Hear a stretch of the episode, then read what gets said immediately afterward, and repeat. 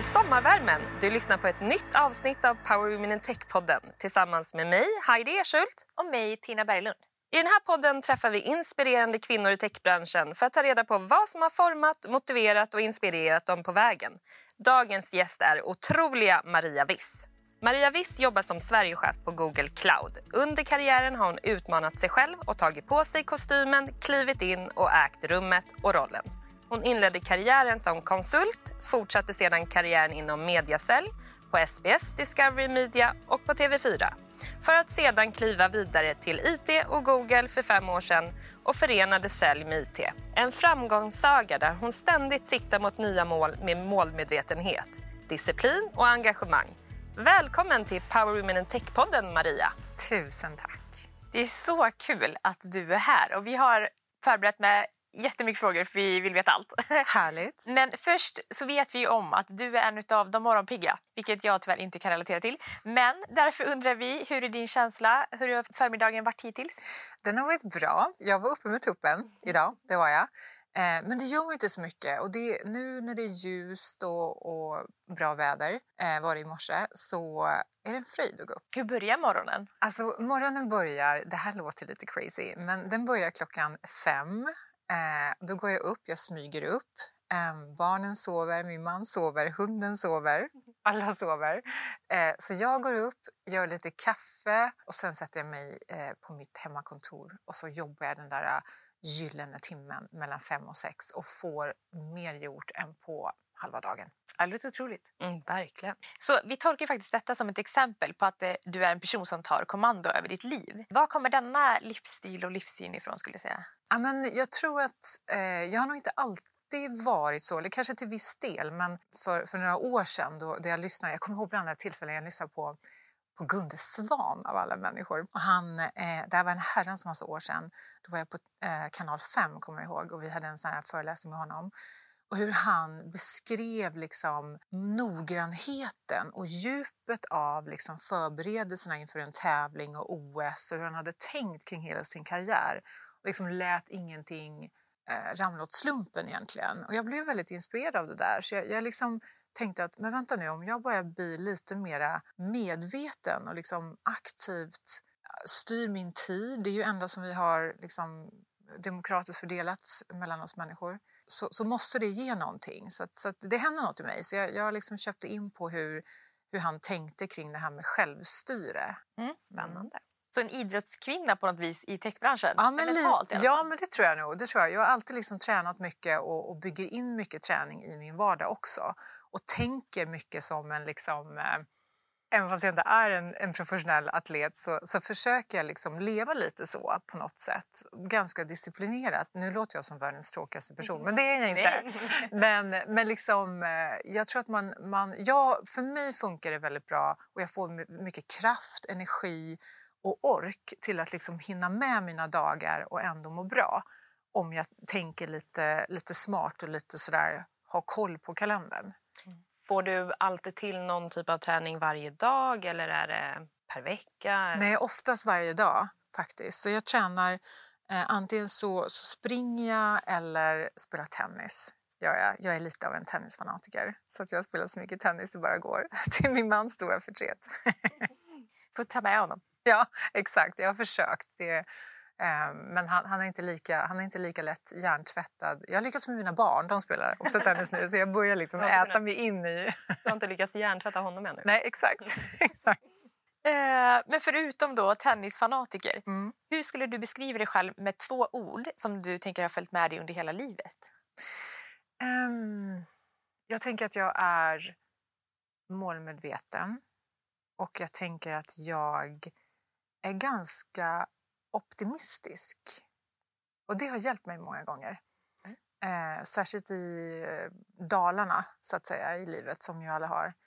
Eh, så har jag ändå någonstans trott och tänkt och känt att det här klarar jag. Och att ljuset kommer och det ordnar sig om jag bara håller i. Så det, det tror jag nog. Optimism och att man eh, har ett tydligt mål, det har hjälpt mig. Har du något konkret exempel som du kan dela med dig av? Då ska vi se. Jag tror att Jo, men jag hade ett sånt där jättetydligt mål, kommer jag ihåg. Jag vet inte vad, jag hade säkert läst någon sån här äh, självutvecklingsbok eller någonting. Men då, då, då var det sådär liksom att precis som att om man, ska, om man ska sluta röka då ska man, liksom, man ska skriva ner det, man ska säga det till sig själv, man ska säga det till sin omgivning, man ska liksom förankra det här målet. Och då fick jag för mig att så här, jag vill ha en eh, ledarposition, jag vill, vara, jag vill kunna testa på att vara VD och jag vill göra det innan jag är 40. Så det hade jag som mål. Jag sa det till min mamma och pappa. Jag sa inte till alla i min omgivning, det kan jag inte säga att jag gjorde. Det hade varit lite sådär. Men, men jag sa det till liksom några nära och kära och banne mig, det blev så. Jag vet inte om det var omedvetet men ett litet beslut här och var, men så blev det faktiskt. Så att, eh, det är väl sådär som man säger också, man ska nästan vara försiktig vad man önskar sig för att det kan slå in.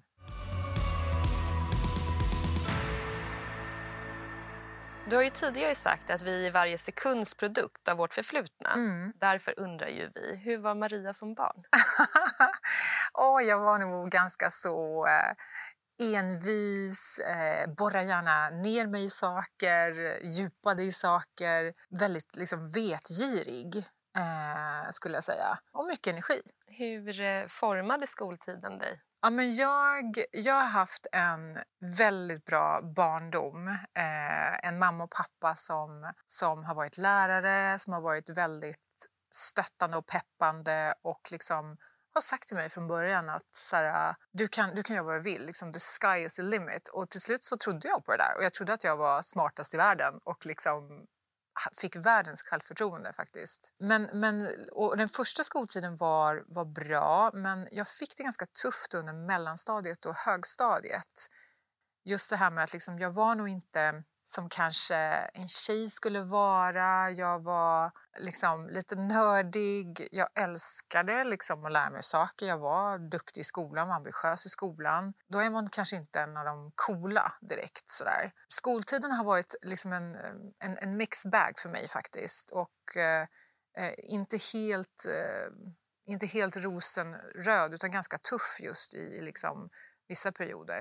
Mm. Um, och det har nog format mig så tillvida att, att jag har känt att uh, I mean, min tid kommer. Så här, jag kanske är en late bloomer men uh, min tid kommer så att säga. Och lite sådär hand, knyta handen i näven att så här, jag ska minsann visa liksom, att det här kommer gå bra. Drivet har funnits Ja men det tycker jag nog, att man har triggats lite grann av det där. Du nämnde ju din familj och mm. att dina föräldrar var lärare. Mm. Har de influerat dig på vägen i din, karriärs, i din karriärsresa? Det har de. Det har de. Eh, min pappa är ju eh, nu pension, de är pensionerade båda två, men pappa eh, arbetade som universitetsprofessor inom elektronik och robotik och mamma då matte och fysiklärare. Så det var ju en sån här eh, arena av naturvetenskap hemma vid köksbordet. Och pappa kommer jag ihåg, han hade ett, ett eget företag. Han kom på en, en smart så här, navigationslösning och, och, fick ett patent på det. Och eh, det här var en navigationslösning som såldes till olika såna här rymdstationer som S-Range i Norge och faktiskt NASA. Och det här är sant, wow, det, det, är faktiskt lite crazy. Mm. Men då kommer jag ihåg att en tillfälle, då skulle han ju testa de här, han byggde in dem i såna metallkapslar som skulle sitta i den här, det var såna här väderraketer som det här navigationssystemet satt i och det blev väldigt varmt när de passerade genom atmosfären. Så då, liksom, i köket hemma i Luleå, så brassade pappa på ugnen på liksom så, maxaren. Så, och där satt jag liksom på köksgolvet och pillade han då på ett väldigt proffsigt sätt testade då den här utrustningen innan han skulle skeppa iväg den då till NASA. Liksom. Och du sitter så, här idag, så det verkar ha gått bra. Det gick bra. um, men, så det är klart att jag blir inspirerad av det, absolut. Att, att, att se liksom, eh, också sina föräldrar, att, att, som pappa till exempel, att gå från idé till att, att göra det. Och att, att våga, våga liksom följa, få en idé och våga liksom bygga den, våga skapa den, våga materialisera den. Det tycker jag är fantastiskt. Och han, han har haft ett sånt gränslöst liksom, tänk alltid. Um, det, och det har inspirerat mig. Mm. mm. Men gud, jag blir inspirerad. Jag med. Du har berättat att du alltid har varit strategisk i dina karriärval och medveten om nästa steg och eh, mål. Eh, vad skulle du säga att denna målmedvetenhet kommer ifrån? Förutom då kanske din pappa. Jag tror att jag har kanske utvecklat den. Undrar om inte det egentligen kommer från början i en känsla av att, att liksom jag vill hinna med så mycket. Jag, livet är kort eh, och jag vill hinna med så mycket som möjligt. Och jag, vill liksom, jag, vill, jag vill kunna lära mig så mycket som, som möjligt. Så det, det, kommer nog ifrån någon slags liksom FOMO-stress från början, tror jag, om jag ska vara helt ärlig. Att liksom, eh, Eh, men, men sen tror jag också liksom att, att jag har sett så många exempel på folk som har liksom haft sån otrolig talang och, och förmågor men sen inte liksom valt rätt eller hamnat lite så här äh, guppat med eller av olika anledningar inte tagit chansen och vågat hoppa på det där. Och det, det har jag tyckt var så här, äh, jag tycker jag är så hemskt liksom att inte det bästa jag vet det är att få se liksom, när människor så här blomstrar ut och, och blir liksom, fullt kan använda sina styrkor. Eh, och jag har tänkt lite så att, att jag ska försöka jag ska försöka liksom bygga på. Det ska vara som en, en, en skolbänk, att jag bygger på med olika upplevelser och erfarenheter och, och en, en, bank som gör till slut att jag kan... Jag, jag blir väldigt mångsidig och kan liksom, ja, men ta på mig större saker, större byggen, större organisationer. Så att, ja, men jag har nog tänkt lite så, att det ska, liksom, det ska leda någon, någon vart. Det, jag är inte den där som liksom bara hamna någonstans och guppa med utan jag vill att det ska finnas en mening med det jag gör och att, att jag kan bidra på ett bra sätt. Men för någon som kanske inte har, liksom, har med sig den målmedvetenheten, hur skulle du säga, hur blir man strategisk i sina karriärval? Jag skulle, jag skulle investera några timmar i mig själv och liksom sätta, sätta sig ner och tänk efter på situationer som gör dig glad. I vilka situationer på jobbet känner, känner man sån här äh, ren glädje eller att man får den här äh, flowet och inspirationen och liksom man känner så här, äh, ja, liksom, jag kan inte vänta att vi får fortsätta med det här projektet. Eller så här. så jag skulle, jag skulle verkligen gå tillbaka till att försöka förstå mig själv mer. Vilka drivkrafter har jag? Vad gillar jag att göra? Sen mappa ut liksom, vad, vad kan jag hitta i den här situationen, det här upplägget, den här miljön, de här människorna det, det, är ett sätt att vara strategisk kring att, att själv välja sitt jobb eller sin roll. Mm.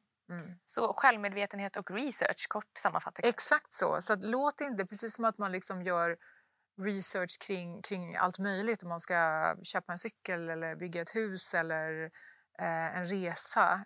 Var, var medveten och, och liksom, låt inte så mycket gå åt slumpen utan eh, det är ju liksom det här livet vi har. Och gör det för guds skull nu. Vänta inte. Du har även berättat om sprintar, att du jobbar i det mm. i din karriär. Ja. Kan du berätta mer? Jag är en kalendernörd, äh, älskar kalendrar äh, och har kommit på att man kan få väldigt mycket gjort och fasa sig själv. precis som, alltså Jag är 800 meters löpare egentligen från gymnasiet och jag hade en skitbra tränare och han lärde mig liksom att springa så att man inte kräktes efteråt utan att man faktiskt liksom kände sig så här, man var utmattad men man, man bara kände att man hade, man hade kontrollerat loppet liksom, om ni förstår vad jag menar.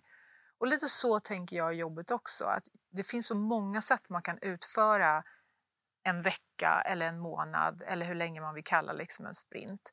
Vad kommer hända respektive vecka? Vilka milestones finns det på vägen? Hur kan jag fasa mig själv min energi för att jag ska känna att jag inte bara faller ihop som ett löv eh, när det är dags för små grodorna utan att så här, eh, jag ska hålla och kunna, kunna jobba hållbart och få mycket gjort och känna mig produktiv. Så det, är, det är så jag tänker med sprints. Jag tänker väldigt mycket kring tid och hur jag liksom hanterar tid. Det låter som så här, små delmål. Ja, det, det, kan man säga. Exakt så. Eh, och försöker liksom... Eh, jag, jag, jag, är nog lite nördig så att jag försöker visualisera till och med dagen. För att min, min kalender har liksom blivit med åren så här, mer och mer packad. Det är mycket back-to-back. -back. Jag har inte lärt mig så mycket sen pandemin, håller fortfarande på med det här. Eh, men men det, det är väldigt många liksom byten och skiften av fokus. Och för att inte jag ska vara helt utmattad mm, i slutet av dagen så, så måste jag nästan visualisera liksom hur dagen ska flowa, lite grann som det här 800 metersloppet. Mm. För att om jag bara känner att jag har kontroll, jag har ju kanske inte det, men känslan av kontroll gör att jag håller energin. Så för mig är det väldigt viktigt att ha just som du säger delmål och förstå vad som kommer hända och, och eh, fasa mig själv genom, genom eh, dagen, veckan, månaden, mm. året. Gud vad jag blev inspirerad och relaterad för jag är inte- ja, före detta 400 meters löpare. Så kan jag Ah, det. åh, vad roligt! Och det var så intressant just för att då sitter det i muskelminne. Ja, Att så här, när jag ska öka, alltså jag kommer... när man ska öka. Om Exakt. man ska springa positivt. Ja. Det är så viktigt. Precis. Mm. Och det mindsetet har jag kanske, jag kanske gör det omedvetet, men medvetet har ju inte jag tagit med mig det i livet. Eller typ i karriären. Så nu Mm. blir jag så här, Det blir okej. en aha-moment. Ja, jag kände verkligen att så här, okej. Ja, det är livet. Det är ett 400 meters eller 800 meters lopp. Det finns likheter. Mm. Nu går vi tillbaka lite till eh, ja, när du jobbade som säljare och inom media. Mm. Eh, då hade du ju fördelen att ta, ta del av First Mover Advantage. Kan du berätta mer om det? Ja, men, eh, jag tänkte väl lite så att eh, om, man, om man försöker vara lite påpasslig och kika runt hörnet, att vad är det som kommer nu? När jag började i mediebranschen så var ju det, tv var ju i sitt, på sin prime time, literally. Och det var bara tv som gällde, det var bara tv-lager som vi sålde. Och sen så började då det här fenomenet online komma eh, till världen och Sverige. Um, och då hittade jag väl min nisch där lite grann. Att så här, men om jag lär mig det här som inte så många vet så mycket om ännu riktigt och, och försöker bli bra på det, då har jag liksom en nisch och då har jag liksom en unik kunskap som, som kan, liksom, som kan komma, Kommer bra till pass. Så att det är väl det jag har tänkt. Och det var lite samma sak också liksom, när hela cloud-fenomenet eh, och liksom distribuerade system på IT-sidan började komma till tals. Nu var jag ju ändå ganska sen på bollen. Då tänkte jag också så här, men vänta nu, om jag... Det här kommer ju bara bli större och större och större. Så att det här gäller att liksom hoppa på det här nu eh, och lära mig det här nu. Så jag har nog försökt liksom kika lite bakom hörn och försökt liksom tänka ut vad är det som kommer, vad är som sannolikt kommer liksom vara bra att kunna. Och man ska aldrig vara rädd för att hoppa, kanske lite för tidigt ibland. Det har jag gjort några gånger och jag har fått liksom så här, ja, men inte bara mamma som har sagt så här, men Maria, du hade ju tjänstebil på kanal 5 och du sa upp dig, är du helt galen? Du började ju komma någonstans. Så att, um, men man ska, man ska aldrig liksom, uh, man ska inte bli vid sin läst. Man ska våga... Man ska nog inte nöja sig. Man ska inte nöja sig. Nej. Du började i media som säljare Mm. och jobbar idag som Sverigechef på Google Cloud. Mm. Har det varit ditt mål hela tiden? Nej, det har det faktiskt inte. Och nu låter jag då väldigt ostrategisk. Men, men vad som har varit mitt mål det är att, att jag har känt att så här, jag ville... Jag började liksom... Jag är utbildad ingenjör, civilingenjör. Sen hamnade jag inom media. Jag var en sväng liksom, inom consulting, som du nämnde också, Heidi.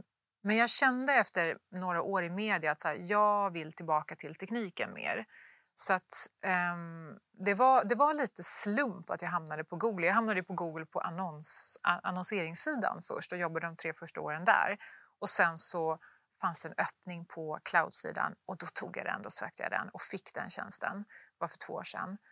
Så det har varit lite omvägar men jag har låtit liksom attraktionen mot tekniken och vad jag ville lära mig bli mitt liksom strategiskt val.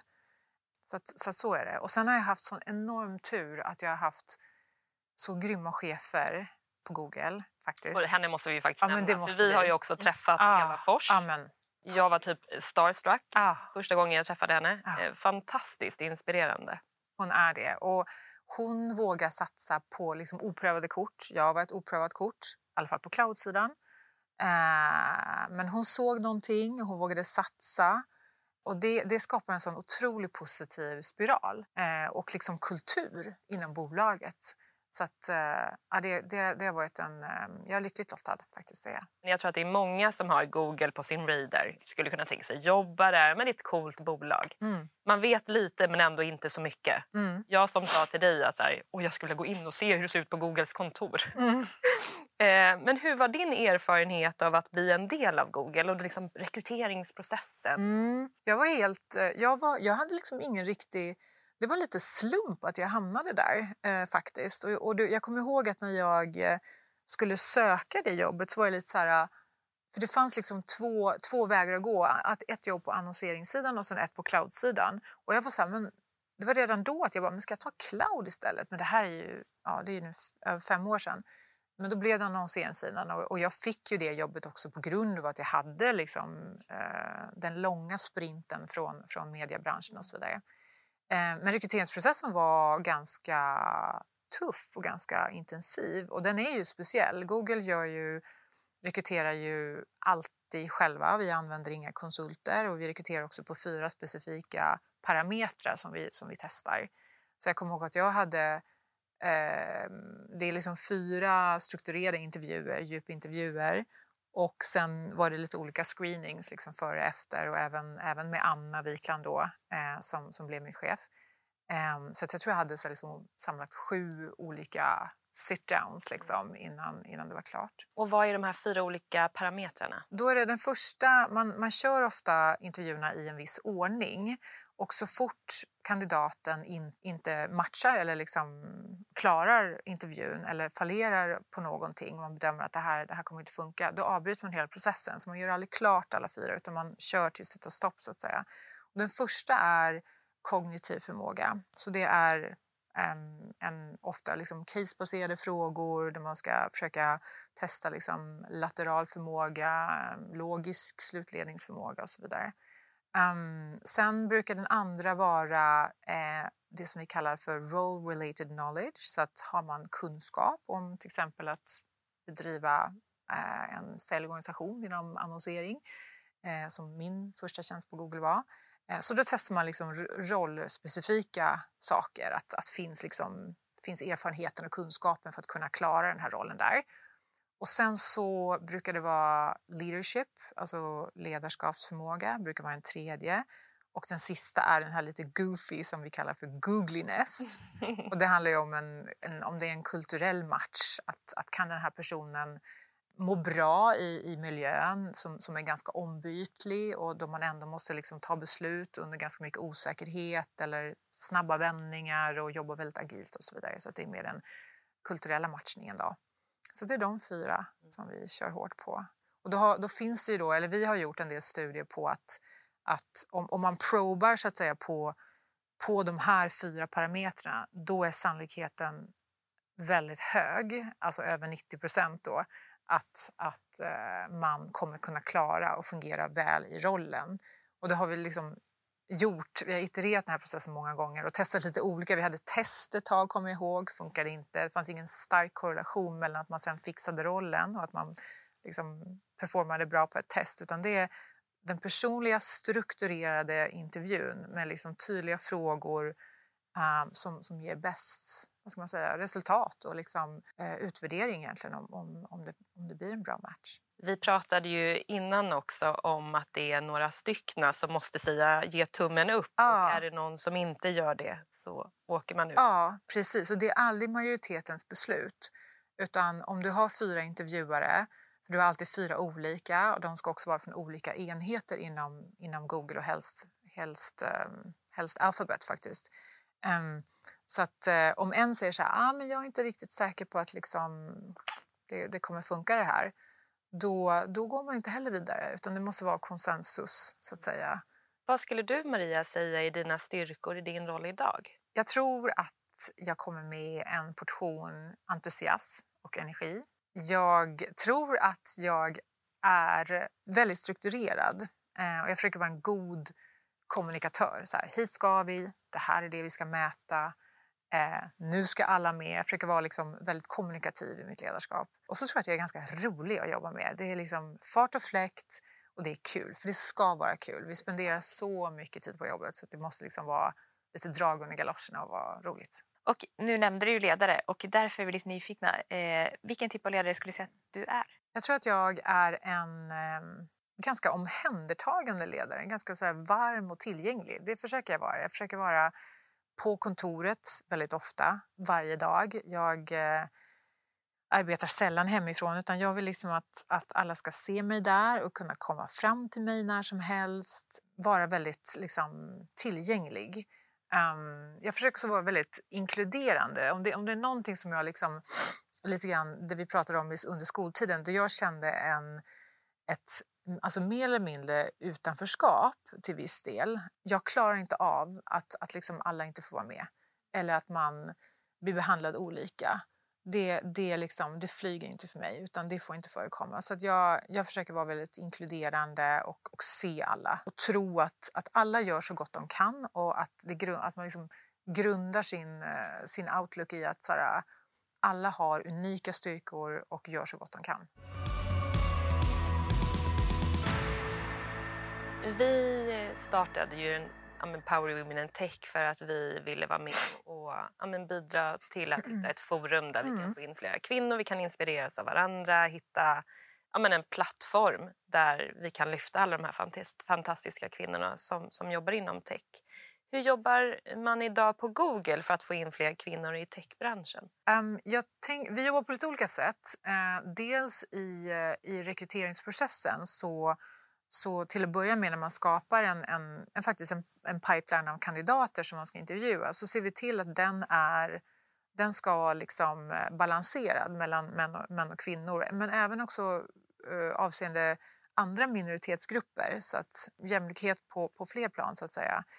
Um, så det är vid rekryteringen, det är också vid eh, till exempel när man Eh, Eh, kika på performance management och promotions, alltså vilka befordrar vi? Finns det liksom vissa system, systemfel, att, att liksom kvinnor fastnar vid en viss nivå men inte kommer längre än så. Så vi håller liksom utkik också alltså rent eh, datapunktsmässigt på, på, så att vi fångar såna här eh, anomalier för till exempel då kvinnor. Och vi har också en hel del olika communities inom Google just för att liksom tjejer ska komma, lättare komma samman, man ska kunna dela, dela karriärstips. Och ett, ett nytt um, program som jag är med i år är eh, ett mentorprogram där, eh, där man kan anmäla sig och jag ska då vara mentor för för lite yngre tjejer, då, eh, kvinnliga kollegor. Och det ska bli jättekul. Vad kul! Ja. Mm. Men vad betyder det för dig liksom, om att vara i den typen av sammanhang ja. och ge tillbaka? Det betyder supermycket. Eh, och jag har, jag, jag har liksom lite informellt varit rådgivare eller mentor till, till liksom andra kollegor som, som eh, har, har frågat om råd och sådär. Och jag tycker att det är otroligt eh, liksom rewarding att få, att få ge tillbaka. För jag har fått så mycket hjälp själv så jag känner att det är verkligen min skyldighet att, att ge tillbaka och ta sig tid och, och liksom så. Eh, för det är någonting som man kommer ihåg. Visst är det där? Man kommer mm. ihåg liksom den där typ läraren i skolan ja, eller, eller chefen som bara, nej men jag tror på dig, liksom. kör nu. Så här, och som tog sig tid. Eh, för det är de man kommer ihåg. Mm. Så man ska se till att vara en sån själv, tänker mm. jag. Du är ju verkligen en ledande kvinna inom, inom techbranschen måste man ju ändå säga. Vad, vad känner du att du... Eh, du nämnde att du var mentor till exempel. Mm. Vad mer liksom, bidrar du till att, att liksom, ja, synas eller göra plats för andra? Det finns en kvinna inom Google som, eh, som jag... Eh, det finns många som jag är inspirerad av men en, en eh, som jag träffade på första gången i år hon sa så här, jag har, jag har ett mål Eh, och hon är högt uppsatt inom, inom Alphabet. Eh, hon sa jag har ett mål, jag ska, jag ska promota, jag ska få 100 kvinnor befordrade mm. innan jag liksom själv typ går i pension. Hon är lite äldre än vad jag är. Eh, hon bara, jag är på 67 nu. Oh, wow! Så att hon, liksom, hon, var, hon var på en mission. Så här, Showed out ja, och det, och det är så här, det, Lite så känner jag också, att, att jag ska göra plats för andra, inte bara för kvinnor. Det finns väldigt duktiga killar också. Mm. Men att aldrig vara rädd för att liksom, rekrytera folk som är så mycket smartare än vad du är, så mycket vassare på det där området, har precis den där egenskapen som du önskade att du hade. Utan så här, var generös och sök efter folk som smiskar dig på rumpan, höll på säga, men, men som är liksom kick-ass och som, som eh, är bättre. Jag fick lite gåshud där borta. Ja, men, och det är inte för att jag fryser. Utan det var, ja, wow. Mm. Om vi nu landar i det här att vi närmar oss semestertider, vissa mm. är det redan.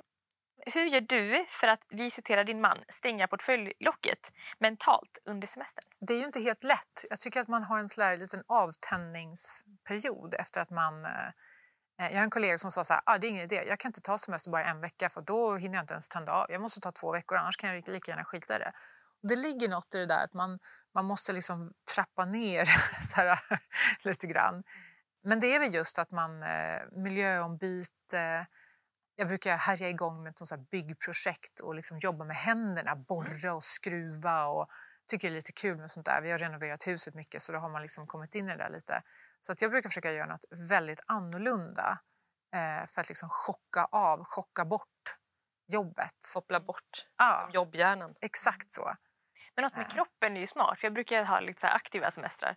Eh, och då är det verkligen så här, ja, men, då är man ju i nuet och typ så här, man åker på surfsemester eller vad det nu är. Alltså, då är man ju i kroppen på ett sätt som man kanske inte är framför datorn. Exakt så.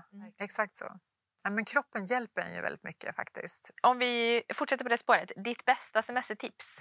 Det finns ju så många vackra ställen i världen men jag undrar om inte jag ändå... På min telefon så har jag fortfarande som bakgrundsbild min favoritstrand uppe i Luleå där jag kommer ifrån. Och det är sådär, äh, landskapet där uppe vid kusten är Sandhed. Så det är så här otroligt långa och långgrunda stränder. Det finns en strand, det är där jag tagit fotot.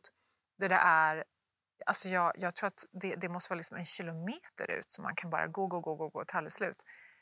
Um, och eh, det är precis liksom, eh, eh, eh, som en förlängning av, av, av liksom landningsbanan, flygplatsen där uppe och det är så vackert. Så att jag återvänder alltid upp liksom, till Norrland över somrarna. Det ska jag göra i sommar också. Så att jag vill slå ett litet slag för, För Luleå. för Luleå och Norrlandskusten helt enkelt. Ja. Ja. Ja.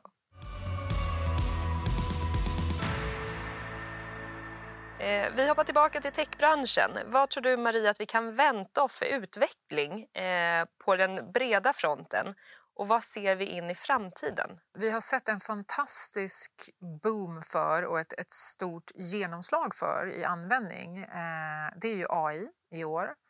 Eh, både, på verk, både inom verktyg som, som konsumenten själv kan använda. Det finns olika chattbottar, vi har en och andra har också andra. Och eh, eh, vi har också sett liksom, den här generativa eh, AI som har kommit där man då så att säga, inte bara kan förutspå eller predict eh, olika fenomen men också skapa fenomen så att säga på instruktion. Ehm, det här kommer, tror jag, bara fortsätta utvecklas och vi kommer också se fler och fler eh, enterprise-produkter utvecklas. Att företag kan, kan själv enklare komma igång med till exempel generativ AI eller olika liksom, out of the box-lösningar eh, som, som fortfarande är, eh, följer regelverk och är så att säga eh, redo att kopplas in i en, in, i en affärsverksamhet. Så det tror jag kommer komma väldigt starkt under alla andra halvan av det här året. Ehm, och sen så, sen så är jag väldigt spänd på faktiskt överhuvudtaget vad vi, vad vi går mot när det gäller ren, ren compute. Om jag pratar inom, nu är jag helt insnöad i, i cloud inser jag. Men, men eh, alltså Google har ju bedrivit till exempel forskning med, med kvantdatorer. De är ju inte alls på liksom en, en marknadstillgänglighetsnivå nu men det ska bli oerhört spännande att se i framtiden på kanske lite längre sikt hur liksom ren datorkraft kommer kunna utvecklas. Och vad är en Eh. kvantdator för, för, för En kvantda- både mig och andra som inte... Ja, precis. Och en kvantdator, om man säger så här, det, det är ju då... Eh, man brukar säga att, att en vanlig traditionell dator kan ju representera ett tillstånd antingen via en etta och en nolla.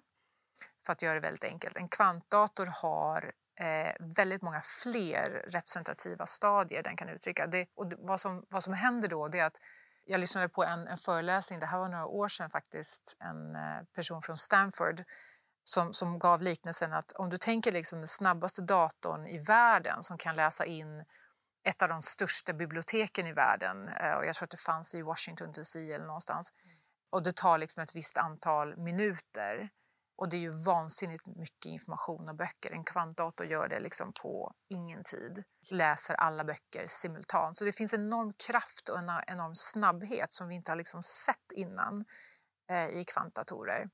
Så att datorkraften till att bland annat liksom hantera AI-algoritmer och large language models och träna AI-algoritmer kommer ju öka enormt om vi får ordning på kvantdatortekniken. Eh, Så jag hoppas att jag får vara med om det och se det. Det kommer att vara spännande. väldigt häftigt. Mm. Ja, alltså även om vi gärna vill fortsätta prata om framtidsdatorer med mera eh, så börjar vi närma oss slutet och vi har några frågor som vi alltid ställer, fyra snabba. Så jag tänker vi kör rakt på dem här. Eh, vilken är den första appen du öppnar på morgonen? Det är mejlen. Man ska inte göra det. Man ska inte göra det, men jag gör det. Ja, så det är okej. Det är okej i det här rummet. Jag gör det också. Ja. Confession time. Ja, exakt. Ja. Eh, hur mycket skärmtid har du? Eh, mycket på jobbet, men nästan ingen privat. Väldigt lite privat. Tittar faktiskt inte jättemycket på tv. Um, hinner inte det riktigt. Ehm, så att jag, jag, jag tycker jag är både liksom duktig och oduktig. Mm.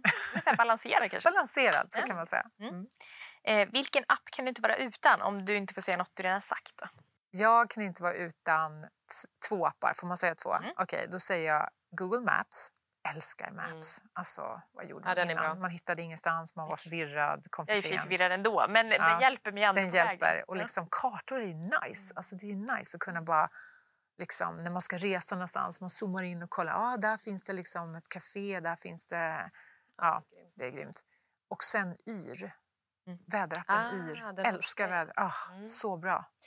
Den är ju lite mer snäll. Mm. Den är ju, brukar ju oftast ge lite bättre väder. Ja, jag gillar ju det. Ja, Ja. men exakt. Jag gillar de apparna som ger mer sol. Ja, jag, går, jag går hellre till den, för Ja. jag liksom tänker ja, då blir det fint. SMHI är lite Då blir man mer... gladare. Och där är lite mer pessimistisk. Ja. Verkligen. Eh, och den sista frågan. En app du vill tipsa om? Jag gillar trädgård och ibland så vet jag inte. Jag ser någon snygg planta, vet inte vad den heter, vill köpa den. Då tar jag fram Lens, Google Lens, tar upp Lens, fotar av den, söker. Eller om typ någon av barnen har något konstigt sår eller något utslag, fotar av den, så, sö- så bildsöker den och så ger tillbaks. Ja, men det här är typ utslaget eller vad det nu kan vara. Oj, den har jag inte hört talas om tidigare. Lens, Den ska så jag ladda bra. ner. Tack för tips. Så bra. Och nu har vi kommit till absolut sista frågan. Och då ska du få nämna en powerkvinna i techbranschen som du inspireras av och vill hylla. Då vill jag eh, nämna en person som nyligen har fått en jättecool tjänst. Hon leder nämligen globalt eh, Google Clouds hela säljorganisation och go-to-market. Och det är en från början high school teacher. Hon heter Adair Fox Martin, får ni googla. Eh, började sin karriär som engelsklärare Eh, via omvägar kom hon in som kursledare eh, liksom ledare på Oracle. För de tänkte så här, antingen så tar vi teknikfolk och så försöker vi göra lär, goda lärare av dem så att de kan liksom onboarda ny talang. Eller så tar vi lärare som vet hur man lär ut och lär dem tekniken. Och hon var en av dem. Och via olika vägar så är, rattar hon nu ehm, hela, hela Google Clouds säljorganisation och hon är eh, helt magisk att lyssna på och så, så tydlig och eh, så inspirerande. Så det får bli, det får bli Adair som jag nämner. Wow! Lät som en häftig kvinna. Ja, Mm. ja men det är hon.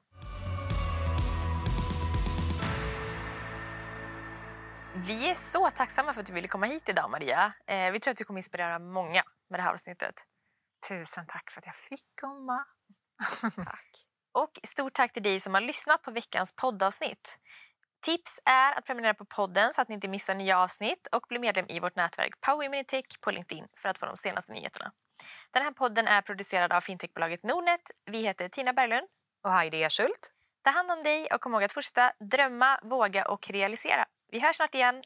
Glad, Glad sommar! sommar!